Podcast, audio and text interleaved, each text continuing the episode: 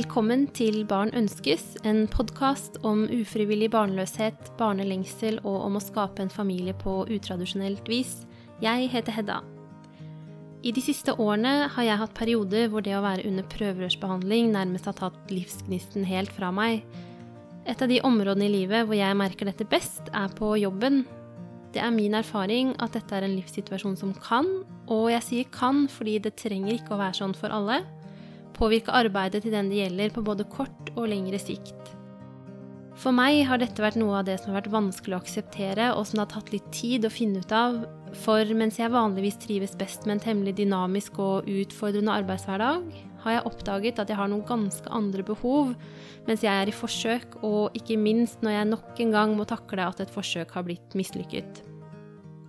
Sånn rent praktisk så betyr det at jeg har behov for å få både arbeidsoppgaver og tempo tilrettelagt, og at jeg setter stor pris på litt ekstra støtte og forståelse fra ledere og arbeidskollegaene mine i disse periodene. Og fordi dette har pågått en stund, har jeg også foretatt noen valg og prioriteringer som betyr at jeg har satt de største mulighetene og utfordringene litt på vent. Ettersom jeg til vanlig er ganske prestasjonsorientert og sulten på noe etter å strekke meg etter, har det krevd noen runder med meg sjøl for å slå meg til ro med at det var det klokeste for meg akkurat nå. Men jeg tror ikke jeg er den eneste i en lignende situasjon som føler at både liv og arbeidsliv står litt på vent mens man kjemper for den positive graviditetstesten som aldri kommer. Jeg er så heldig at jeg har en arbeidsplass med ledere og kollegaer som gjør alt de kan for å støtte og tilrettelegge, men jeg vet at det dessverre ikke er sånn for alle. Ufrivillig barnløshet og fertilitetsbehandling er dessuten et tema som det fortsatt kan føles veldig personlig å snakke om, og mange kvier seg for å ta opp dette på jobben. Derfor er jeg veldig glad for å ha fått muligheten til å snakke med dagens gjest Marie om nettopp dette med å kombinere jobb og prøverørsbehandling. Marie har selv vært gjennom flere runder med IVF, samtidig som hun skulle sjonglere både kunder og leveranser og lederansvar hos sin daværende arbeidsgiver Microsoft. I denne episoden har vi dermed med oss både det personlige perspektivet og lederperspektivet, og vi snakker om utfordringene vi har støtt på underveis, våre erfaringer med å være åpne om dette på jobben, om tilrettelegging og om å takke ja eller nei til nye jobbmuligheter midt i prosessen. I tillegg til å være til støtte for dem som står midt oppi dette selv, håper jeg dette er en episode som også kan være til nytte for ledere og kollegaer. Så hvis du syns det er vanskelig å snakke med sjefen din om dette, kan du jo be han eller henne om å høre på denne episoden. Jeg hører veldig gjerne fra dere og er nysgjerrig på deres erfaringer og på om dere har noen tilbakemeldinger til podkasten. Dere finner meg på Instagram under Barn ønskes, eller på e-post på barnonskes at gmail.com.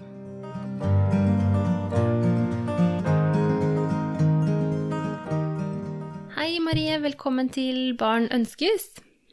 Hei, tusen takk for det. Du, Vil du begynne med å fortelle litt om hvem du er? Det kan jeg gjøre. Ehm, jeg heter Marie. Jeg er 35 år og bor på Kjelsås i Oslo sammen med samboeren min Ola. Eh, vi har vært sammen i ca. fire år. Ehm, og i september så eh, skal vi gifte oss, så det blir spennende. Eh, ellers så venter vi også en liten prøverørsgutt i juli. Um, jeg er utdanna som sivilingeniør og jobber med IT. Mm. Um, denne episoden her, den handler jo om, um, om, dette med å balansere assistert befruktning eller ufrivillig barnløshet med, med, jobb. Så jeg lurte på om du kunne si litt mer om hva du jobba med da du var under din fertilitetsbehandling? Det kan jeg gjøre. Um, jeg har eh, jobba egentlig det meste av min yrkesaktive karriere i Microsoft. Eh, så der eh, var jeg annet selger, og så var jeg også leder for teknisk salg eh, den siste tiden som jeg jobba der. Mm. Så det var mye ute hos kunder og ganske stressende hverdag. Ja, ikke sant. Um, det høres sånn ut. Jeg kan jo også si at um, jeg er også sivilingeniør, men jeg jobber i bygg- og anleggsbransjen i et av de store rådgivningsfirmaene innenfor uh, rådgivende ingeniører. Uh, og jobber med prosjektledelse primært, da. Um, og så hadde jeg litt lyst til å si før vi starter denne episoden også at selv om du og jeg jobber i forskjellig bransje og har litt uh, ulik rolle, så, så, er det jo også noen likheter, tenker jeg, kanskje i både de utfordringene og de fordelene som vi har i, i våre jobber, da, når man holder på med IVF, for eksempel. Det med at ja, vi jobber i store selskaper som har gode tilretteleggingsmuligheter, og um, det er en sånn mulighet for å tilrettelegge arbeidsdagen, en slags frihet under ansvar. Og så samtidig så er det jo en prestasjonsforventning, og det er noen som forventer at man leverer, og, og kundekontakten og, og, alt det der. Men vi kan jo snakke ut fra det perspektivet som vi kjenner her, og så er det viktig å si at at jeg forstår godt at uh, ikke alle har de forutsetningene i sin jobb. Og heller ikke at alle arbeidsgivere har de samme forutsetningene som våre. Men jeg tenkte at um, at du kunne fortelle litt om din jeg personlige reise, altså den reisen du har hatt frem mot det å bli gravid? Ja, absolutt. Eh, det har jo ikke vært bare bare. Jeg har jo visst eller hatt en følelse ganske lenge av at, eh, at jeg kom til å slite. Fordi jeg starta veldig tidlig i tenårene med å ha veldig kraftige menstruasjonssmerter. Eh, og ja, sleit med det i mange år og var mye borte fra jobb i forbindelse med det. Eh, men ble på en måte ikke helt møtt i helsevesenet med så veldig mye forståelse da jeg var ung, da. Mm. Men i 2010 så fikk jeg endelig hjelp, eh, for da eh, kom jeg til en laparoskopi. Og da fikk jeg påvist at jeg hadde ganske alvorlig endometriose. Mm. Eh, og da falt egentlig plutselig alle brikkene på plass. Og samtidig så fikk jeg også den beskjeden om at skal du ha barn, så bør du ikke vente for lenge med det. For det kan, kan bli en utfordring. Mm. Vil du så, bare mm. si veldig kort hva endometriose er? Det er ikke sikkert at alle som lytter, vet det. Ja, absolutt. Det kan jeg også gjøre. Det, det er jo en relativt vanlig tilstand for, uh, for damer. Ehm, og enkelt forklart så er det jo at, eh, at eh, ja, slimhinnen eller livmorvev, da, som oftest er på innsiden av livmoren og, og, blør når man har menstruasjon, den kommer litt på avveie, og, og, du finner den andre steder i buken. Så det kan være litt forskjellige steder. Så det blir jo på en måte en litt sånn kronisk eh, betennelsestilstand da, i kroppen. Eh, ja, ved at kroppen klarer ikke å kvitte seg med det, det blodet som kommer utenfor livmoren. Mm. Og så gjør det at det kan bli vanskelig dette med å, å bli gravid, da. Ja, og de har jo ikke funnet ut helt hvorfor. Hva det er med endometriosen som gjør det så vanskelig. Og, og mange som har diagnosen, klarer jo helt uten problem å, å bli gravid naturlig også. Mm. Men når var det det håper jeg, barneønsket begynte å materialisere seg for deg? Jeg møtte jo Ola da jeg var eh, ja, ca. 32 år, var det vel. Eh, og vi fant jo tonen og, og, ble kjærester. Og så bestemte vi oss Eller vi, vi følte vel at det var ganske naturlig å, å være kjæreste en liten stund også. Mm. Eh, før vi planla å få barn, og det tenkte jeg selv om selv om jeg visste på en måte i, i bakgrunnen der at det kom til å kunne bli et problem, så, så var det viktig for oss å få den kjærestetiden før vi, før vi satte i gang med å prøve å få barn. da. Mm. Eh, men det var jo også sånn at ettersom jeg allerede hadde diagnosen, så, så når, eh, når, det hadde gått halvannet år og, og, vi følte oss klare til å, å, begynne på den reisen, så fikk vi egentlig hjelp ganske fort. Eh, så vi prøvde vel å få barn i, i, noen måneder, og så kontakta jeg en gynekolog som egentlig sendte en henvisning til Rikshospitalet ganske fort. Mm. Eh, men vi var jo litt uheldige, for eh, akkurat når vi, når vi, kom i den prosessen her, så var det oppussing på Oslo universitetssykehus. Eh, så da ble jo ventetiden likevel ganske lang da, for å komme inn til forsamtale og, og komme i gang. Så jeg tror nok vi, vi prøvde nok et år til sammen, tror jeg, før vi fikk lov til å komme på forsamtalen. Da. Og da begynte dere etter hvert med, med IVF, da, eller prøverørsbehandling? Ja, det, det gjorde vi. Så det var vel i september 2017, tror jeg vi hadde vårt første forsøk. Eh, og det gikk for så vidt greit. Det var Jeg hadde lite bivirkninger. Eh, klarte å jobbe og, og, følte meg egentlig ganske fin. Eh, fikk, eh, fikk, vel ut eh, ja, syv, syv, egg, tror jeg det var, eller noe sånt. og fem av de på frys. Um, og ett inn. Så det var jo egentlig ganske godt resultat. Vi var veldig fornøyde med det og, og sånn. Men var jo også forberedt på at dette kom til å ta tid, så jeg hadde egentlig ikke de aller største forventningene om at det skulle sitte på første forsøk. Jeg var litt sånn forsiktig optimist. Mm. Um, og det ble jo også et negativt forsøk, det, det, første. Ja, for dem som ikke kjenner uh, prøverørsbehandling så godt, da, så sier de vel at det er en sånn 30-40% sannsynlighet for å bli gravid um, per forsøk. Og så er det jo varierende litt med alder og en del andre faktorer, men det er sånn en tommefingerregel, da. Mm. Så det er jo litt sånn eh, litt flaks og uflaks i, i det hele også. Så, så, det er litt uh, Man må jo være positiv, tenker jeg, men det er, det er, jo vanskelig hele tiden å tro på at nå går det. Mm. Um, så ja. Men vi hadde Jeg var egentlig ved godt mot, for vi hadde fem på frys, og jeg tenkte at, at uh, på dette forsøket kom Altså da hadde vi ganske mange, mange innsett, da, tenkte jeg. Mm. Så ja, så vi fortsatte egentlig med å sette inn et, fryse, et, et fryseforsøk. Og så hadde vi et forsøk som ble avbrutt, så det var egentlig den første nedturen på reisen for oss. da, var eh, i februar 2018. For da, da var det et innsett som ble avbrutt, så det var en liten nedtur. Og det er sånn eh, for utenforstående, så dette med å si et avbrutt forsøk kan jo virke som en ikke så big deal, for da tenker man at ja, men er ikke det bare å prøve igjen? litt senere, da. Men dette er en sånn situasjon man allerede har venta lenge, og det Jeg vet mange syns det er ugreit da, når man ikke, ikke, kommer videre, på en måte.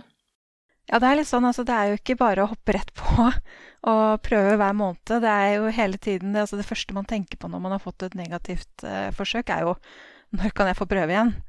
Eh, og få det svaret og den nye behandlingsplanen da, fra sykehuset. Og det er jo ikke alltid at det, den er så veldig rask, da. Så, så det er litt venting, ja. Mm. Så, men eh, ja, når, når den, eh, det forsøket ble avbrutt, så hadde jeg altså begynt å føle på kroppen at alle hormonene og sånn hadde gjort at endometriosen hadde blussa opp. Mm. Så jeg følte meg i litt sånn dårlig form og hadde mer smerte normalt både i ryggen og bekkenet. Og, og, så bestemte jeg meg egentlig for at jeg har lyst til å ta en laproskopi til, og det var sykehuset enig i at uh, var lurt. Mm. Så da gjorde jeg det, og fjerna den endometriosen som hadde kommet tilbake, da. Mm. Så det var jo egentlig den første delen av behandlingen hvor eh, jobben fikk eh, Altså ble en liten utfordring for jobben, da, for da ble jeg jo faktisk borte i fire uker eh, fra jobb. Og det er jo ganske lenge? Ja, i hvert fall når man har planlagt å være borte i to dager og har lagt opp alt til det. ja. eh, så ble jo det et lite, et lite slag i ansiktet når jeg kom kom ut av operasjonsstua og fikk beskjed om at de to dagene hadde blitt til fire uker, for det var såpass mye du måtte operere bort. da. Ja, det forstår jeg. Men jeg, jeg, det, det, ga meg egentlig også ganske mye håp, da, fordi da tenkte jeg at det var det jo en del der. Og kanskje det hadde spilt en rolle på de forsøkene som hadde vært tidligere også. Mm. Så ja, da fikk jeg også en, en sprøyte etter den operasjonen som satte meg i en kunstig overgangsalder eh, for å ta bort de aller siste restene, da. Eh, og så var det i gang igjen med forsøk, eh, et nytt fryseforsøk, i mai, tror jeg det var. I slutten av mai. Eh, og da, på det forsøket, så fikk jeg min første positive graviditetstest noen gang. Mm. Så det var eh, Da var jeg veldig letta. Mm. Um, over at jeg faktisk jeg fikk en, en, tro på at dette her kunne gå, da. Ja, det er jo en stor opptur, det, etter uh, at man uh, har venta så lenge og investert ganske mye. Mm. Men så Hvordan gikk det siden? Nei, det eh, Det endte ganske fort i en spontanabort. Så det gikk ikke så bra, det svangerskapet der. og det er jo selvfølgelig ganske tung, tungt, det også. Når man har ja, for første gang fått håpet opp og jeg hadde likevel en sånn i bakhodet at ikke, du må ikke bli for glad nå. Eh, du må ikke tenke at dette her eh, lykkes sånn så enkelt. Eh, men samtidig så var det vanskelig og tøft når jeg innså at dette her gikk ikke veien, da. Mm. Ja, det skjønner jeg så godt. Så da var det bare å prøve, prøve, å ta på seg smil og gå på jobb. Men det er ikke så lett. Nei, hvordan gikk det? Um, jeg eh, prøvde meg et par dager. Uh, og ja, det, det, går jo greit altså, når man er der og sånn, men, men eh, samtidig så kjente jeg på meg at dette her eh, Kroppen og, og, hodet mitt har gått av en liten pause nå, og tenker på helt andre ting. Mm. Så da, da, fikk jeg beskjed fra jobben også, fordi de har jo vært med på den reisen her hele veien, og det kommer vi jo sikkert tilbake til også. Mm. Eh, men de så jo på meg at noe var galt. Så jeg fikk egentlig beskjed av sjefen min at jeg syns du skal ta et par dager på hytta og, og slappe av. Veldig fint å kunne um, ha den åpenheten mm. Å få den beskjeden, tenker jeg. At uh, Å håper jeg få, få tillatelse til å ta et pusterom. Ja. Det er jo litt sånn, det er jo ikke alltid lett å være den som gjør det sjøl. Eh, og man ønsker jo ikke å skuffe de man jobber sammen med rundt seg, så noen ganger så er det kanskje greit å ha noen som som passer på litt og sier at, uh, at kanskje det er på tide at du tar deg en liten pause. mm. Ja, det skjønner jeg godt. Dette er jo egentlig mm, Altså, den reisen du beskriver nå, kunne jo egentlig ha vært en hel episode i seg sjøl, men siden vi har mye annet å snakke om òg, så, mm. så, bare rusher vi litt gjennom her. Ja, vi gjør det. Yes, jeg hadde enda et frysforsøk, og det var også negativt. Så da var det bare å stålsette seg for et nytt forsøk med fullt av hormoner og og egguttak og alt som var. Um, og det hadde vi nå da uh, Ja, nå husker jo ikke jeg datoen engang, men eh, det er vel seks måneder siden cirka nå, i og med at jeg begynner å nærme meg seks måneder på vei. Ja. Så da eh, testa jeg faktisk positivt på det neste ferskforsøket, hvor vi fikk inn uh, to embryoer. Mm. Eh, på selveste farsdagen, så det var litt stas. Så gi pappaen den graviditetstesten som var positiv da. Ja, det er fin eh, farsdagsgave. så ja. Så, og da gikk det jo bra. Uh, men jeg må innrømme at de første ukene og ja, det var ikke spesielt greit, altså. Nei, da, da mm. ser jeg for meg at det er mange tanker som eh, raser rundt i, i, hodet. Da er det mye katastrofetanker, og selv om man Altså, jeg fortalte jo til familie, nærmeste familie også, ganske tidlig at eh, ja, nå har dette forsøket faktisk gått veien. Men jeg sa også veldig fort at eh, jeg vil ikke se noe sånn jubling enda. Vi må vente litt. ja. ja, det kjenner jeg meg igjen i. Sånn var det her også. Mm. Så, men det var jo veldig, veldig flott at uh, det lykkes. Men det betyr at dere, dere, holdt på med dette her altså etter at dere kom i gang med forsøk, da, så holdt dere på et uh, drøyt års tid. Ja. Uh, og hadde fem, fem, runder totalt. Så det er jo egentlig ja, fem måneder da hvor man til sammen hvor man holder på med noe som tar ganske mye energi og oppmerksomhet. Mm. Mm. Jeg tenkte for de som ikke har hørt på de andre episodene i denne poden, så tenkte jeg bare ta sånn helt kortversjonen av, um, av min reise, som er at jeg har jo um, fertilitetsutfordringer fordi at jeg har hatt livmorhalskreft. Så jeg, kan, jeg har alle organer som skal til, men det er vanskelig for meg å få det til helt på egen hånd. Da. Så jeg har jo også hatt behov for eh, prøverørsbehandling. Så jeg har en datter på tre år som uh, eh, som er unnfanget på en lab på Rikshospitalet. Og så har vi holdt på med søskenforsøk, som det heter, i et års tid nå, da, uten å lykkes ennå. Så, så, det er liksom litt sånn kortversjonen med, med, det som jeg har med meg inn i denne samtalen. Men um, hva har du syntes har vært det mest utfordrende med å balansere den livssituasjonen med assistert befruktning med jobben din? Det har jo, for min del så har det vært eh, det å føle på at man ikke har den fulle kapasiteten som man normalt sett har, da.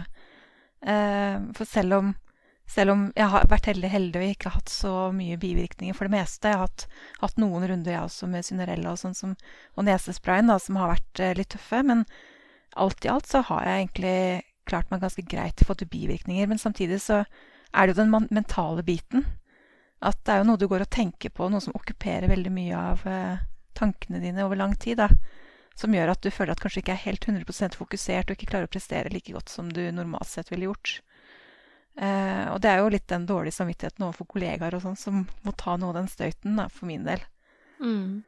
Eh, ja, og så er det kanskje også i og med at jeg hadde Ja, altså hverdagene mine besto og består fortsatt av veldig mye kundemøter og, og ting som er litt vanskelig å flytte på. Eh, det er noen som har en forventning om at du er et sted til en gitt tid, og da, da er det vanskelig da, med den uforutsigbare delen som det er eh, å være i en prøverørsprosess. Så har det vært veldig vanskelig med den logistikken i forhold til reising og møter osv. Så, videre. så vi har vært nødt til å planlegge veldig mye og bare egentlig si at den og den uka så er kalenderen min eh, Den er liksom borte. Den, dere kan ikke booke møter og kan ikke bruke meg eh, ut mot kunder og på reise og sånn i de ukene. Mm. Jeg kjenner meg veldig igjen i begge de to tingene du sier. Dette med mental kapasitet har vært eh, en av mine største utfordringer også. Jeg merker veldig godt at når jeg er i forsøk, så så skjer det et eller annet med den evnen til å håndtere litt komplekse problemstillinger og ha flere baller i lufta på en gang. Jeg tror jeg bruker veldig mye ubevisst eh, hjernekapasitet på det som foregår i kroppen. Eh, og også dette med logistikk, som er eh, Det er jo løsbart, men, men det er ganske uforutsigbart, opplever jeg da. Jeg, for, meg, for eksempel, så er det sånn at jeg Eh, det er litt fare for det som heter overstimulering, altså at man At det blir litt for mye Møllerstrand, da. At man kan få for mange egg, og at etter hvert kan bli væske i buken og sånn. Og, og, dette er jo noe som de overvåker veldig nøye hvis det er fare for det. Så jeg, på det prøveårsforsøket som ble til um, datteren vår, så, så var jeg på kontroll på Rikshospitalet seks av åtte dager. Eh, og jeg kjører jo fra Hamar, og så er det en kontroll der sånn at du må ta en blodprøve før klokka halv ti, og så har du ultralyd en eller annen gang på ettermiddagen, så det går jo en hel dag. Um, og når de da sier um, 'kom tilbake i morgen', 'kom tilbake i morgen', 'kom tilbake i morgen' fire ganger på rad, så er det ganske uforutsigbart. Uh, og man vet jo ikke helt akkurat åssen timingen blir, så det er ikke så lett å si liksom ja, akkurat da og da blir det, eller det, det er liksom et lite sånn vindu på et par uker, da, som blir ja. litt uforutsigbare. Ja, det er akkurat det. Ja, er det andre utfordringer du har tenkt på? Eh, nei, altså jeg Som sagt så var jo jeg ganske åpen med jobben. Eh, og de som jeg jobbet tettest med. Eh, og det hadde jo kjempemange positive sider. Eh, men det betydde også at de hele tiden visste stort sett hvor jeg var i løypa. Mm. Eh, og jeg vet jo at de bare mener vel. Men noen ganger så er det sånn at man egentlig ikke har så lyst til å tenke på det også. Prøver å dytte det så langt unna som mulig. Eh, men de vil jo gjerne spørre hvordan det går, og de vet jo sånn cirka når du får svaret på om dette gikk veien eller ikke. Så du ser sånn at de har litt forventninger i øynene når de ser på deg, og, ja. og, forventer på en måte å få en eller annen tilbakemelding på 'Å, har det gått bra? Har det gått bra?' Eh, så det, det, det, har vært litt en sånn bakside, da, med å være så åpen. Mm. Eh, det at eh, jobb er jo også samtidig et sted som jeg har sett på som et lite fristed fra alle disse tankene og sykehuset og medisiner og alt mulig sånn. Mm. Så ja, selv om, selv om jeg selvfølgelig setter pris på at kollegaene har vært altså håpa masse for meg og vært uh, veldig støttende, så er det kanskje det som jeg ser på som en liten utfordring. Da, at, uh, at, forventningene rundt det å fortelle og, og dele, den, den, kom da ettersom man uh, var såpass åpen som man var. Mm. Vi kommer litt tilbake til det med åpenhet, men jeg tenker at dette er jo et ganske sånn fint og konkret tips til kollegaer og de rundt, at at man ikke i all velmenenhet blir for ivrig, eller at man prøver å liksom føle litt på det derre Ja, jeg vet, men jeg trenger ikke å spørre hele tiden. Fordi dette har jeg hørt flere som har sagt òg, at, at, det er veldig godt å være åpen og, og, få den støtten. Og så er det noen ganger man kjenner at jeg orker ikke å snakke om det akkurat nå. Jeg. Akkurat nå har jeg bare lyst til å konsentrere meg om det vi holder på med her. Ja, og det tenker jeg også på den altså For meg og deg, da, som har gått gjennom dette her, at når vi har vært åpne, så er det kanskje noe jeg angrer på at jeg kanskje ikke var mer tydelig på i starten også.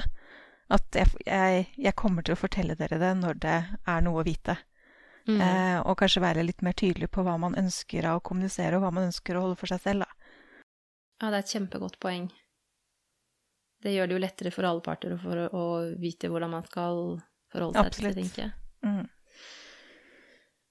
Jeg har, um, har Det virker som at jeg har hatt en litt annen opplevelse enn deg når det kommer til dette med, med bivirkninger på, i forsøk. Jeg har, nå, jeg har jo også vært gjennom både uh, ferskforsøk og fryseforsøk i det som heter styrt eller medisinert syklus, og også i det som heter naturlig syklus, hvor man ikke går på noe ekstra hormoner, da.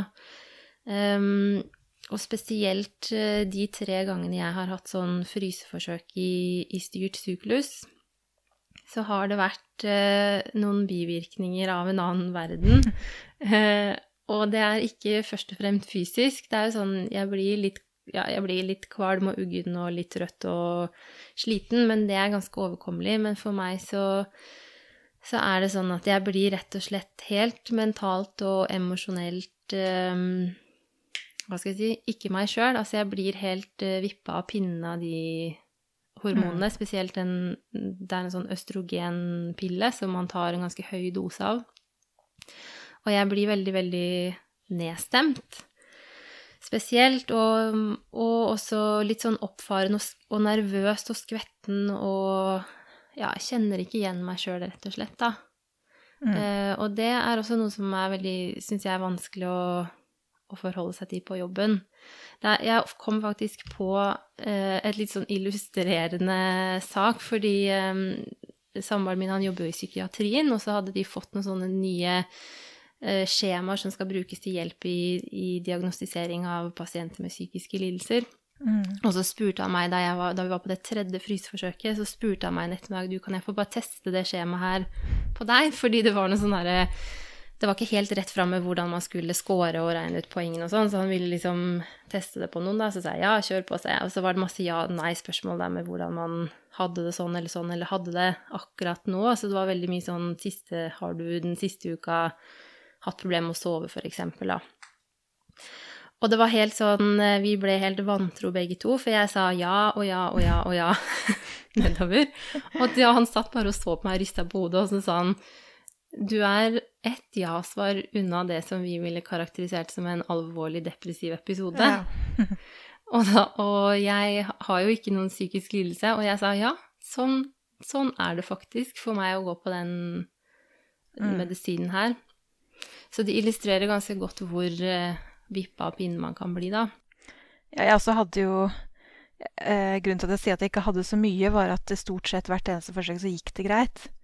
Eh, men eh, jeg, for meg så var det akkurat i de fasene hvor jeg ble nedregulert, og hvor jeg hadde tatt eh, nesesprayen lenge nok, sånn at jeg faktisk kom i overgangsalderen, da opplevde jeg at blodtrykket mitt ble veldig lavt. Mm. Så jeg skulle bl.a. holde et foredrag for 40-50 mennesker. så står jeg der og holder foredraget og foran på en scene, og etter fem-ti minutter så merker jeg at jeg ser jo ingenting. Jeg ser ikke skjermen min, og det begynner å gå litt rundt for meg, og jeg vet ikke helt hvor jeg skal gjøre av meg. Eh, så jeg står egentlig bare og holder meg fast i det nærmeste jeg finner, eh, og må egentlig bare si at beklager, jeg må, jeg må avbryte. Eh, jeg klarer ikke å fullføre fordi at jeg kjenner at det er noe som er litt Som ikke er som det skal. Mm. Eh, og det var, det var jo en kjempenedtur. og jeg hadde egentlig ikke forventa at det skulle kunne skje, fordi at jeg hadde vært i noen sånn relativt grei form eh, hele veien. Så det, man blir litt satt ut på litt en måte man ikke eh, forventer, da. Eh, og, og, i situasjoner også som man er vant til å mestre det vanlige, de kan bli helt annerledes. Mm.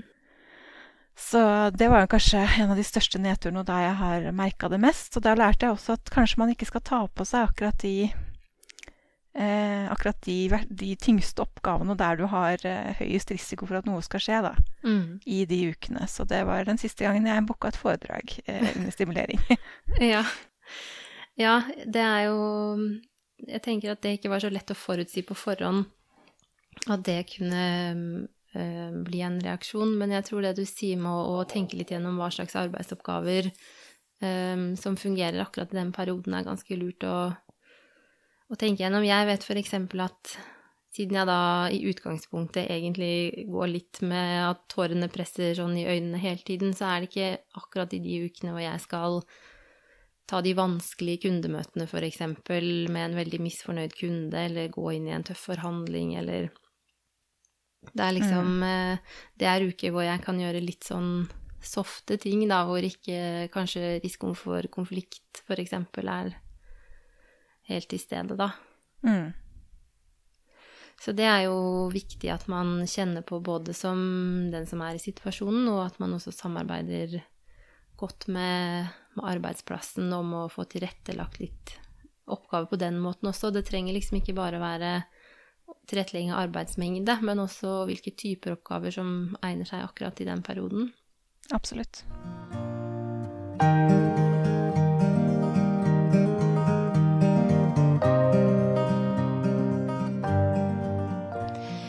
Men um, som vi har vært litt inne på, så har jo du um, vært åpen på din arbeidsplass om dette her. Vil du si litt om det? Eh, ja, det kan jeg gjøre. Så for det første så var det jo litt vanskelig. Jeg, jeg klarte helt, ikke helt å se hvordan jeg skulle klare å begynne på denne prosessen uten å være åpen. Eh, fordi det hadde Hvis jeg ikke hadde vært det, så måtte jeg finne på veldig mye unnskyldninger, og jeg følte egentlig at jeg måtte lyve en del. Eh, og det hadde jeg ikke lyst til. For det er jo ikke bare kollegaer av meg heller, ettersom jeg har vært og Jeg hadde jo jobbet i Microsoft i ni år og kjente de rundt meg veldig godt, og de var jo mye som venner også. Så det var litt, eh, det var litt vanskelig for meg, den tanken på at jeg skulle ikke si det som det var, da. Mm. Eh, så det er jo én grunn til at jeg valgte egentlig å være åpen. Og det andre er jo at jeg syns jo det er synd om dette med prøverør skal være tabu. Jeg hadde egentlig lyst til å prate om det som om det var å gå til tannlegen. Mm -hmm. eh, nettopp for å fjerne litt det hemmeligholdet rundt det, og at det skal være et nederlag, da. Eh, og det opplevde jeg også når jeg fortalte om det, at det er jo ganske mange andre som da kommer og sier at ja, det har vi også gjort. Eller eh, Ja, altså det, det åpner litt for dialog med andre, og, og man får mye støtte både av de som har vært gjennom det selv, og, og andre som, som ja, ønsker deg alt godt. Da. Mm. Så for meg så var det et veldig enkelt valg. Hadde, for meg så hadde det vært veldig veldig vanskelig å gå gjennom denne prosessen uten å, å si det til de som var rundt meg. Mm. Hvordan eh, Ja, du var jo litt inne på det, men hvordan opplevde du at du ble møtt? Jeg er utelukkende positivt. Mm. Eh, og veldig mye forståelse. Mm. Så fra dag én så opplevde jeg at de rundt meg tok hensyn og eh, heia på oss. Og ja, i det hele tatt eh, så syns jeg det var veldig positivt eh, å, å, være åpen om det. Mm. Eh, jeg hadde jo flere på en måte type personer rundt meg og, og type ansatte rundt meg som jeg måtte snakke med. Eh, det var jo min leder, eller mine ledere, eh, som jeg måte kunne si det til på én måte og fortelle litt om hvilke behov jeg hadde fra de i denne perioden. Mm. Og så er det jo teamene mine, altså de jeg jobber tettest med eh, hver dag. Eh, kalle det prosjektgrupper eller kundegrupper som, som, jeg hadde mye aktiviteter sammen med. Som trengte å vite det fordi at jeg var litt eh, Jeg var ikke så mye tilgjengelig da, som, som de normalt sett forventer. Eh, så jeg hadde behov for at de tok litt hensyn til når de skulle booke meg inn. Og så var jeg også leder eh, på slutten der, som gjorde at jeg måtte fortelle det til mine ansatte også. Det, det hadde jeg kanskje ikke trengt, men samtidig så følte jeg at det var naturlig også når vi var ute og spiste, og jeg droppa glass med vin. Jeg kunne jo alltid si at jeg, jeg kjørte eller et eller annet, men samtidig så var det like greit for meg å si at uh, nei, jeg kan ikke gjøre det fordi nå er vi i et forsøk, og, og da drikker jeg ikke alkohol, på en måte. Mm. og det, det, gikk jo Jeg merka jo det også at Eh, hvis det var noen som ikke hadde hørt det, så var det fort eh, og tisking om at jeg allerede var gravid. Så jeg syns det var like greit å bare Nei, det er jeg ikke. ja. Det er nesten verre det, og når du går gjennom denne prosessen og hele tiden blir tatt for å være gravid, da. Ja, jeg, men det er veldig godt poeng det du sier også, at, man, eh, at det kan være fint å, for, å, filtrere litt eh, hva man forteller, og hvordan man forteller til ulike personer. Og så tror jeg, i hvert fall som arbeidstaker selv, da, så, så, tror jeg at jeg hadde satt pris på om min leder fortalte eh, om hun mm. var i en lignende situasjon, fordi eh, eh, det er veldig Som leder så er man jo ganske synlig, og det er veldig fort gjort at det blir sånn spekulasjoner hvis Oi, hva er det med henne om dagen, og Ja. ja, hva, hvorfor er hun plutselig borte, og hva er det som skjer her nå? Og det kan skape en uro, tenker jeg. Så det å vite Ja, ok, det er fordi at Mm. mm, Så, og det er jo Jeg har jo også som leder selv, så har jeg vært veldig Jeg har sagt til mine ansatte, og jeg ønsker jo veldig gjerne at mine ansatte skal fortelle meg det, eh, om det er noe i deres liv som kan påvirke arbeid, arbeidssituasjonen. Sånn at jeg kan tilrettelegge og være en god leder. mm, Eh, og jeg tenker at hvis jeg som leder også er åpen mot de, så, så er det lettere for de å være åpen tilbake. mm. Jeg har jo eh, også vært eh, åpen, men litt mer sånn eh, gradvis. Jeg har, eh, jeg har hatt forskjellige ledere da, når vi holdt på med første barn og nå med andre barn, men leder og egentlig også leders leder har visst eh, før vi satte i gang, og så har jeg informert nære kollegaer litt sånn etter hvert som det har vært eh, naturlig ja, kanskje fordi at man jobber tett sammen, og jeg liksom ser at nå, nå er det greit at du vet at jeg blir litt eh, fraværende, for eksempel, en stund fremover, da. Um, og jeg også har virkelig utelukkende positive erfaringer med det. Helt sånn uh, Kan bli litt overvelda over hvor mye omsorg og Mm. omtanke jeg får da, fra både ledere og kollegaer. Opplever veldig at de jeg håper jeg, både lider med meg når jeg lider, og feirer når det er noe å feire. Så det er jo veldig, veldig, veldig fint, syns jeg, da. Mm. Også fordi at jeg også da har uh, hatt litt utfordringer med at jeg, um, at jeg får noen rare reaksjonsmønstre og kan begynne å gråte for ingenting og blir helt sånn uh, rar. Så har det vært veldig, veldig godt eh, å vite at eh, kollegaer vet hvorfor. Så jeg har ved to anledninger eh, etter en situasjon hvor vi har snakket om noe vanskelig på jobben, og ting har liksom tilspissa seg litt, eh, og jeg har merka at oi, nå har jeg mye kortere lunte og en helt annen tone enn jeg kjenner igjen hos meg sjøl. Og det å kunne gå inn til den kollegaen etterpå og si sånn Du, dette ble litt dumt, nå merka jeg at jeg var ordentlig sur, men det, eh, det Du vet jo at jeg er et forsøk, og dette er en av de bivirkningene som er for meg, at jeg, at jeg blir litt annerledes da. Det syns jeg har vært en veldig fin Eller det har vært godt å ha den muligheten til å gjøre det, sånn at de også kan si ok, men det skjønner jeg. Mm. Det er greit. Unnskyldningen mottatt. Og så har jeg også tenkt litt på dette med um, Nå er jo ikke um, rådgiverbransjen så mannsdominert eh, lenger, men jeg, før vi starta med prøverør i 2015, så var jeg litt spent på dette med å bli møtt av mine mannlige ledere i dette her, da, for det er jo noe føleri og en del sånn eh, som ikke er så konkret og håndfast oppi dette her. Eh, men der også har jeg møtt mine egne fordommer i døra da, og blitt så utrolig varmt og omsorgsfullt tatt imot av alle de mennene rundt meg, på en måte, som jeg syns har vært veldig fint. Ja, det er jeg helt enig i. Det er av min opplevelse også. Eh, og det er også menn som har kommet til meg og fortalt sin historie og, og, og sånn om prøverør, ikke bare damer. Mhm. Og jeg også var litt sånn skeptisk i forhold til hvordan de ville takle det, og om de syntes det var ubehagelig å snakke om og eh, Ja, ubehagelig å få de beskjedene, men som, som deg, så ja, det er all, all ære til de, altså. Ja, jeg har Det var, har vært noen runder i høst når det sto på som verst, hvor jeg eh, bare møtte sjefen min i gangen, og bare han så på meg litt sånn snilt, så velta liksom tårene ut. Og det å bare få en liten sånn En litt sånn varm sånn smil 'Dette går bra. Ta Mm. deg en fem minutter.' Det, det gjør det veldig mye enklere da, enn når man skal gå og bite det i seg og prøve å flykte inn på do og liksom tørke sminken og klistre på Mm. seg uh, maska igjen. Men um, jeg tenker litt på dette med tilrettelegging. Da kanskje vi kan prøve å gi noen tips til, ehm, til de som er ledere.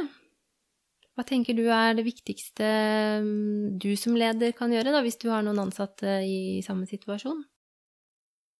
Eh, ja, altså de, de, tingene som jeg har satt mest pris på selv, tenker jeg da, er jo at man som leder kan gi ganske tydelige signaler på at man har fleksibilitet.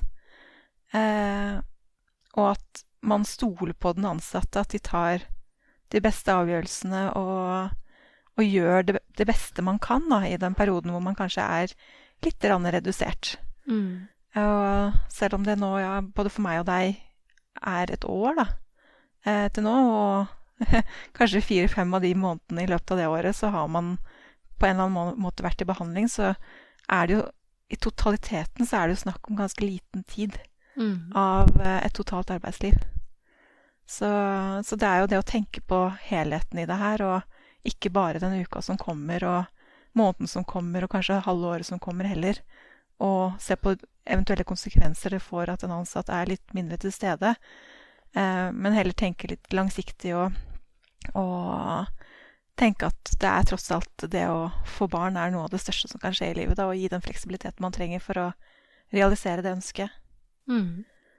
Ja, og så er det jo også at uh, de aller fleste arbeidstakere har jo, etter min erfaring, på et eller annet tidspunkt i livet så, så er det ting som skjer som gjør at de vil få litt redusert arbeidskapasitet. Og for noen så kan det være prøverør, for andre så kan det være sykdom eller eller noe økonomisk eller samlivsbrudd. Altså det er mange ting som kan skje. Eh, og jeg tenker at dette her eh, er jo ikke så annerledes som alle de andre tingene som man absolutt ville tilrettelagt for, da. Eh, så det er jo litt å ha, håndtere det på samme måte som, som, veldig mange andre livskriser, egentlig. Mm.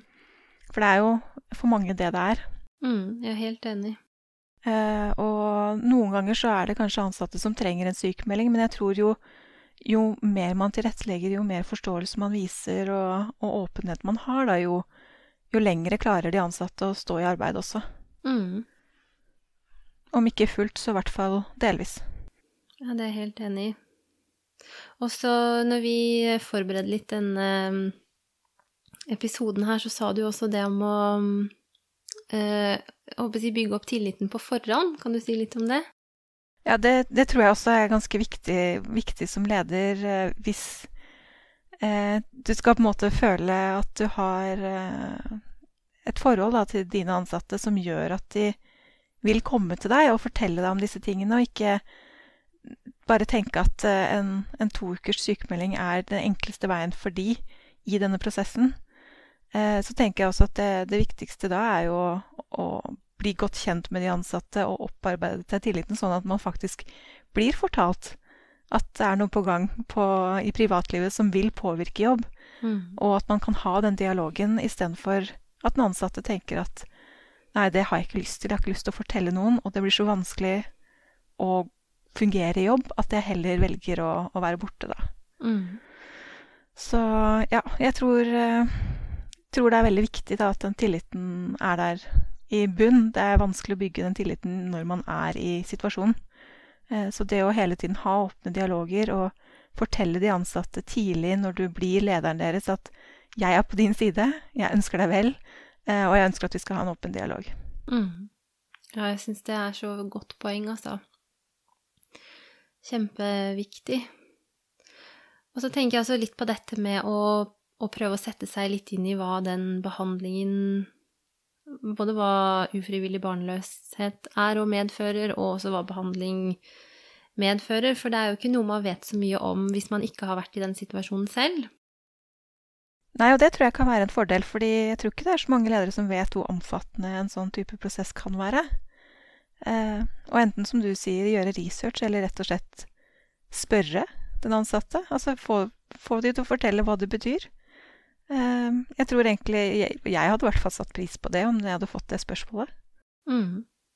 Og så og så tenker jeg jo på dette med mm, litt sånn uh, gjensidig tilrettelegging, da. At, uh, um, at, det er viktig at arbeidsgiver eller leder er åpen for fleksibilitet og kanskje flytter på noen arbeidsoppgaver og, og tenker litt utafor boksen. Og så er det jo veldig viktig at den som er arbeidstaker, og som står i situasjonen, også eh, selv er flink til å eh, ha litt sånn kontroll på dette er mine arbeidsoppgaver nå, hva er det jeg mest Eller hva tror jeg at jeg har kapasitet til å få til nå, og hva er det jeg ikke klarer, og det derre samspillet der opplever jeg som veldig viktig, da, og som har vært har fungert ganske godt for meg. Mm. Er for eksempel det å Og det her er jo også det med at den åpenheten i bånd kommer inn, da, men det å kunne sette opp en liste da og si ok, dette er de arbeidsoppgavene som jeg vet at ligger på mitt bord nå. Eh, jeg kommer å prioritere det og det og det, ehm, og mer har jeg ikke kapasitet til. Kan, du, kan vi sammen, eller kan du hjelpe meg med å få flytta på disse arbeidsoppgavene? Eh, Mm. For da, da blir det ikke bare liggende på bordet mitt uten at det skjer noe. Nei, og det, jeg tror det er da ofte litt vanskelige situasjoner oppstår, da, hvis man ikke har en plan, Mm. eh, og ting bare faller mellom to stoler, og så plutselig så opplever man at man får så sterke bivirkninger, eller det skjer noe i behandlingen som man faktisk blir borte, og da er det jo ingen som holder i de arbeidsoppgavene. Mm. Så jeg tror det er en kjempegod idé. Jeg gjorde ikke det, det som du gjorde, og det burde jeg antageligvis ha gjort, så det er et tips som jeg ville tatt meg, i hvert fall. Mm. Men hva tenker du eh, Hva gjør man hvis man er i den situasjonen her, og man går til lederen sin, og man ikke møter forståelse, og dette blir veldig vanskelig? Jeg tenker jo at eh, altså det er vanskelig å sette seg inn i den situasjonen når man har hatt det såpass bra selv. Eh, og jeg, jeg må jo si jeg føler med de som eventuelt ikke har forståelsesfulle arbeidsgivere eller, eller ledere. Eh, det må være veldig vanskelig i en situasjon hvor man egentlig Ja, man, man kanskje ønsker å, å prøve å gjøre det beste ut av situasjonen, og så er det, møter man på en måte ikke noe forståelse i andre enden. Mm. jeg syns det, ja, det er veldig vanskelig å, å gi noen konkrete råd rundt det. Eh, men jeg, jeg tenker jo at det, har, du, har du noen eh, ledere som er over din nærmeste leder du kan prate med? Altså er det, er det et alternativ, eller har du noen ansatte rundt deg, eller medarbeidere som du kan alliere deg litt med, som kanskje har mer forståelse, sånn at du får litt støtte og, og bistand fra noen andre, da? Mm. Hva tenker du? Nei, jeg vet heller Jeg syns også det er veldig vanskelig mm, å svare på, for jeg vet heller ikke helt hva jeg ville gjort. Jeg tror jeg ville tenkt som deg, at jeg hadde tenkt ok, er det noen andre jeg kan alliere meg med her? Eh, men man blir jo litt eh, Man sitter jo litt fast, da. Eller det er på en måte vanskelig hvis man ikke møter det. Så jeg tror jo jeg vet ikke, er det beste rådet er å finne seg en arbeidsplass hvor bedriftskulturen er sånn at eh, man kommer på jobb som et helt menneske, og at det er takhøyde for det. Ja. Men det er jo ikke så lett når man står midt oppi det, da. Ja, det er jo ikke det, og jeg, jeg tenker uansett at i den situasjonen man er, så må man, man må nesten prioritere seg selv og, og prioritere å prøve å få dette barnet, da. Mhm. Jeg sånn som, som en menneske, og man vil jo alltid, tror jeg, angre på at man ikke prioriterer seg selv. Og det er jo dessverre sånn at eh, arbeidsgiver også, de har jo Så de, de vil jo ikke takke deg senere for at du utsatte denne prosessen, eller eh, at du satte ting på hold for dem. Så jeg tror det er viktig å være litt egoistisk i den prosessen hvis man ikke møter forståelse. Mm. Ja, det er vanskelig. Kanskje forhåpentligvis så mm, kan det være at noen kan ha noen gode råd. Mm. Men um, hva med dette med sykemelding? Har du mm, brukt det i noe særlig grad? Eh, jeg var jo sykemeldt i forbindelse med operasjonen. Eh, for eh, ja, det er vel et års tid siden nå, rundt påsketider i fjor. Så var jeg borte i fire uker. Og, så har jeg vært borte Nå har for så vidt egguttakene mine vært stort sett på fredag. så, så da har det vært helg uansett. Så jeg har vel egentlig ikke hatt så veldig mye mer enn en i forbindelse med operasjonene. Mm. Jeg har jo Jeg har hatt sykemelding ehm, noen ganger. Um, og um, jeg har litt sånn blanda følelser for det, fordi på den ene siden så, så merker jeg veldig hvor godt det er for meg å ha jobben i disse periodene. Det gir meg et pusterom, og det er en fast rutine som får dagene til å gå, og det er godt å se kollegaer på morgenen, og det er på en måte godt å um, Ja, godt å ha noe å gå til. Men så har jeg i perioder i, under forsøk ikke Altså, jeg har hatt det så tungt, da, at uh, det har på en måte ikke vært mulig å, å jobbe fullt. Um, så jeg har jo ganske god erfaring med å bruke en gradert sykemelding når det liksom virkelig drar seg til, da, sånn at uh, Sånn at jeg kan yte etter evne i akkurat de ukene. Og så tenker jeg også at det er jo også et virkemiddel kanskje overfor den arbeidsgiveren som eh, ikke helt forstår dette her, og som ikke ønsker å forstå det, så er det jo sånn at er du sykemeldt, så, så skal de tilrettelegge, da. Mm. Um, og at det også kan være kanskje litt um, sånn at, at, noen først forstår alvoret da. Jeg vet ikke, men jeg Jeg har en bekjent som, um, som var i et prøverørsforsøk, som, som, var åpen med sin leder og fikk uh, Det var på en måte alle gode med at her skal vi tilrettelegge, og, og dette løser vi sammen. Og så når det liksom kom til stykket, så kunne det være sånn at hun fikk en telefon en sen ettermiddag og ble bedt om å innfinne seg i en helt annen by morgenen etterpå for å gjøre en veldig viktig arbeidsoppgave. ja. Og da tenker jeg at da har du kanskje ikke helt skjønt tegninga likevel. Det er jo litt hvis man allerede har kommunisert at denne uken så må jeg være hjemme, jeg må være i Oslo. Mm. Eh, så er det jo Ja. Det er, kanskje lederen har glemt det, altså jeg vet ikke. Men må nesten bare minne på at vet, denne uken så er det veldig vanskelig. Mm. Eh, så ja. Jeg tenker jo at man hvis man er eh, man, man, liker jobben sin i utgangspunktet, da. Det er jo en liten forutsetning, det også. Men, og man ønsker å ha den jobben, at man kanskje også prøver å minne lederen på at dette er forhåpentligvis en veldig kort periode i livet mitt. Mm. Eh, at jeg må prioritere annerledes. Og jeg trives veldig godt her og opplever at jeg gjør en veldig god jobb ellers. Og prøver å forklare litt på den måten. Ja, så vi kan vel egentlig bare oppfordre arbeidsgivere der ute til å til å tenke sånn, at dette er midlertidig, og det er en livskrise på, på lik linje med andre mm. vanskelige ting som skjer i et liv. Og så, og så, tror jeg veldig at ved å støtte godt da, og tilrette, tilrettelegge godt, så, så, vinner jo arbeidsgiver enda mer tillit og, og lojalitet. Og i hvert fall opplever jeg at fordi at jeg har blitt møtt så innmari fint, da, så det gjør jo noe med det gjør jo noe med det forholdet jeg har til lederen min, f.eks. også. Jeg føler jo at vi blir enda mm. bedre kjent, og at jeg stoler enda mer på han. Og ja, jeg tenker at det er mye å vinne, jeg, da, for, for en arbeidsgiver i å, å møte folk som hele mennesker. Absolutt. Men jeg tenker litt på dette med mm, Det kan jo være at man midt oppi denne personlige reisen egentlig um, kan tenke seg å prøve noe nytt i karrieren sin, eller at eh, man får et spennende tilbud, eller det skjer noe sånt. Og det vet jeg at mange syns er ganske sånn guffent, da. Uh, og så vet jeg at du har litt erfaringer med det, for du har takka ja til en stilling mens du var midt oppi din prosess. Vil du fortelle litt om det? Eh, ja, det kan jeg gjøre. Eh, jeg hadde vel Hva skal man si? Jeg hadde jo egentlig tenkt at eh, jeg skal være i Microsoft til jeg lykkes med dette her. Både fordi jeg trives, trivdes kjempegodt og, og, fikk hele veien nye muligheter internt i, i Microsoft.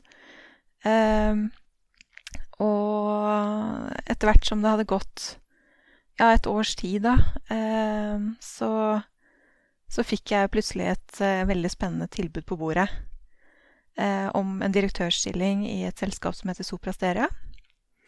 Uh, og jeg tenkte at det er jo Altså det for meg så er det et karrierehopp og en kjempespennende mulighet å få lov til å bygge opp en ny forretningsenhet der, da. men samtidig så er det jo det i bakhodet at ja, men tenk Altså nå skal jo jeg bli gravid. Mm -hmm. Det er på en måte planen. Eh, hvordan håndterer man det, og er dette riktig tidspunkt å skulle ta på seg nye oppgaver? Lære nye folk å kjenne? Altså, nå, jo, nå vet jeg jo at Microsoft støtter meg så godt i den prosessen jeg er i. Og, så det var veldig mange tanker som begynte å surre i hodet da når jeg fikk, eh, fikk den forespørselen. Eh, samtidig så var det, ja, som sagt, et år ut i prosessen, og da begynner man også å tenke at eh, hva om vi ikke lykkes? Mm. og så står jeg der etterpå og har takka nei til den kjempefine muligheten her. Eh, hvordan ville det være? Å både stå der og ikke ha noe barn, og i tillegg hele tiden ha satt karrieren på vent, da. Eh, så det var litt sånn avveininger frem og tilbake en stund for meg. Og en liten modningsprosess. Og så bestemte jeg meg faktisk eh, for å si til da den nye lederen min, eh, som gjerne ville ansette meg i Soprastera, og fortelle han at uh, jeg vet ikke om dette er riktig timing, fordi at jeg er midt i en prøverørsprosess. Mm. Um, selv om jeg ikke kjente han Mm. uh, i det hele tatt, uh, egentlig. Jeg hadde jo hatt et par møter, og jeg hadde jo forstått at han var en veldig bra fyr. Og han hadde jo på sett og vis klart å bygge opp tilliten allerede til meg også, nok til at jeg turte å gjøre det. Eh, og det å da bli møtt med svaret at ja, men vet du hva, Marie, da håper vi virkelig at du er gravid når du begynner hos oss. Mm. Uh, når du får det svaret, så tenker du at oi, ja, dette virker jo så som et bra sted å jobbe. Mm. Så da ble hele tanken enda mer reell, og, og ja, det fikk meg egentlig til å tenke at kanskje det ikke er så dumt tidspunkt likevel å bytte jobb på. Det er jo Jeg syns jo det er helt fantastisk, og en veldig eh, Det vitner jo om at eh, dette er en arbeidsgiver som tenker langsiktig, og som eh, Ja, og som på en måte ser forbi litt akkurat her og nå, da, og som også tenker at, at det skal være rom for den livssituasjonen man er. Så jeg hadde jo tenkt liksom at oi, wow, dette virker jo som ja, et superbra En bra arbeidsplass, da. Ja, det fikk meg i hvert fall Altså, jeg ble ikke mer, mer, mer negativ til å, til å, ta på meg den nye oppgaven. Eh, så vi snakka jo litt om, om ok, hva hvis, og, og, litt sånn, men det var jo veldig Altså, for meg For de så var det, en, som de sa, en langsiktig investering, og det er klart at, det er klart at de forventer at en, en dame på 35 år, eh, samboer uten barn, at det kan skje. Mm -hmm. Det er liksom Det er litt implisitt. eh, men ja, de, for de så var det Det var ikke noe de vurderte som noe negativt, da, i prosessen. Nei, det sier vel litt om kulturen også. Nå så jeg for noen uker siden at arbeidsgiveren din har blitt kåra til Norges beste arbeidsplass for er det tredje år på rad? Ja, det stemmer. Men jeg også jobber jo i et sted hvor Jeg kjenner ikke til at det har blitt gjort ansettelser akkurat med noen som har vært i prøveprosess, men på mitt kontor så har vi ansatt flere håper både nygravide og høygravide kvinner, f.eks., som jeg også syns er, er, fint, da, for da, da er det jo sånn ja, nå skal du snart ut i permisjon, og så gleder vi oss veldig til du begynner her når du mm. kommer tilbake, da. Jeg tror det har vært, blitt et lite skifte der mm.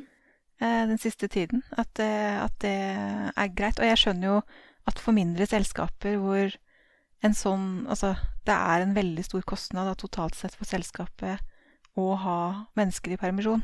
Mm. så er det klart at det er vanskeligere å gjøre den investeringen. Men det er jo flott i hvert fall at de større selskapene faktisk har begynt å snu og se på det å ansette damer i fertil alder da, som, som noe positivt og ja, ikke noe problem. Mm. Jeg har jo hatt uh, en litt motsatt uh, erfaring enn deg, for jeg har jo faktisk valgt å tre til side fra en lederstilling midt oppi dette kjøret her. Um, og så var det sånn at uh, håper jeg, prøverørsbehandling, det skjer jo ikke i et vakuum, så det var en vurdering av totalsituasjonen min som gjorde at jeg tok det valget, men det at vi hadde hatt to negative søskenforsøk som var veldig tunge for meg, og at jeg skulle i gang med et tredje, det var liksom det som var siste Siste på vektskåla i at jeg tok det valget, da. Og for meg så Det har vært en av de virkelig vanskelige tingene, syns jeg, for meg i den situasjonen. For jeg, jeg kjenner meg selv som en person som eh, egentlig liker veldig godt å strekke meg etter utfordringer. Jeg, jeg syns det er veldig gøy å eh, Ja, jeg vet ikke, jeg lærer Mm. nye ting. Jeg syns det var veldig spennende å ha den lederstillingen. Jeg trivdes egentlig veldig godt med det og syntes det var sånn det var sånn spennende hver dag, på en måte. Oi, hvordan blir denne dagen? Mm. Men um, jeg kjente etter hvert at ehm, at jeg, jeg kom ikke til å klare å være den lederen som jeg syns at den enheten trengte, da, i den situasjonen som, som var på jobben. Og jeg eh, For meg så, så, så var det nødvendig å ta det valget, og det var veldig sånn Det var nesten en identitetskrise for meg når jeg måtte gjøre det. Mm. Jeg kan tenke meg at det, det er et vanskelig valg, og jeg syns det så veldig respekt av at du gjorde det også. Eh, man har jo et veldig langt arbeidsliv, og jeg tenker at eh, du får helt sikkert muligheten igjen. Når det er eh, Når det passer litt bedre, da. Mm. Ja, så det, jeg tenker at det også er jo noe som kan være greit for ledere å ha med seg litt i bakhodet, dette her med at eh, selv om eh, Altså, jeg merker at det er jeg som er bremseklossen i min egen karriereutvikling nå, da, for å si det sånn, og det og Sånn er det akkurat nå. Det er sånn jeg har funnet ut at jeg må prioritere akkurat den situasjonen vi er nå, og så vil jo det endre seg etter hvert. Eh, og det også er jo veldig fint igjen, da, så er jeg veldig glad for å ha en leder som, som sier at ja, nå er du der, og det er greit, og det respekterer vi, og så, og så er det muligheter for deg senere. Da er det egentlig bare viktig for deg å kommunisere når tiden er inne igjen, da, at nå Ja. er jeg klar. Ja. Forhåpentligvis så Forhåpentligvis så blir det snart et søsken, og så er jeg Ja. liksom fit for fight igjen. ja. Du Marie, jeg lurer på om det er fint å begynne å runde av, ja, men er det noen siste visdomsord du har lyst til å si til, til både de som er i en lignende situasjon, og håper jeg, lederen og kollegaene deres? Nei, sånn oppsummering av det vi har snakket om, er vel eh, kanskje det viktigste. Og det jeg, jeg tenker jo for min egen del, og jeg tror for veldig mange, så er åpenhet eh, antageligvis ganske lurt. Mm. Eh, men still, sett gjerne forventninger da, til de rundt deg på hva du kommer til å dele, og hva du kanskje helst vil holde for deg selv. Og at eh, selv om de vet at denne uken så er du kan, kommer du til å være mye borte, at de på en måte fortsetter å la hverdagen gå og, og ja, lar deg være et, den du pleier å være på jobb, hvis det er det du ønsker. At man er litt tydelig på det. Eh, også ellers så, så håper jeg at flest mulig arbeidsgivere, hvis det er noen ledere som hører på, at, at man en- har en innstilling hvor man legger til rette og, og tenker at dette er kortvarig, og at eh, man får en bedre medarbeider med seg på laget etter at prosessen er over, eh, hvis man klarer å, å vise forståelse og vise fleksibilitet. Da.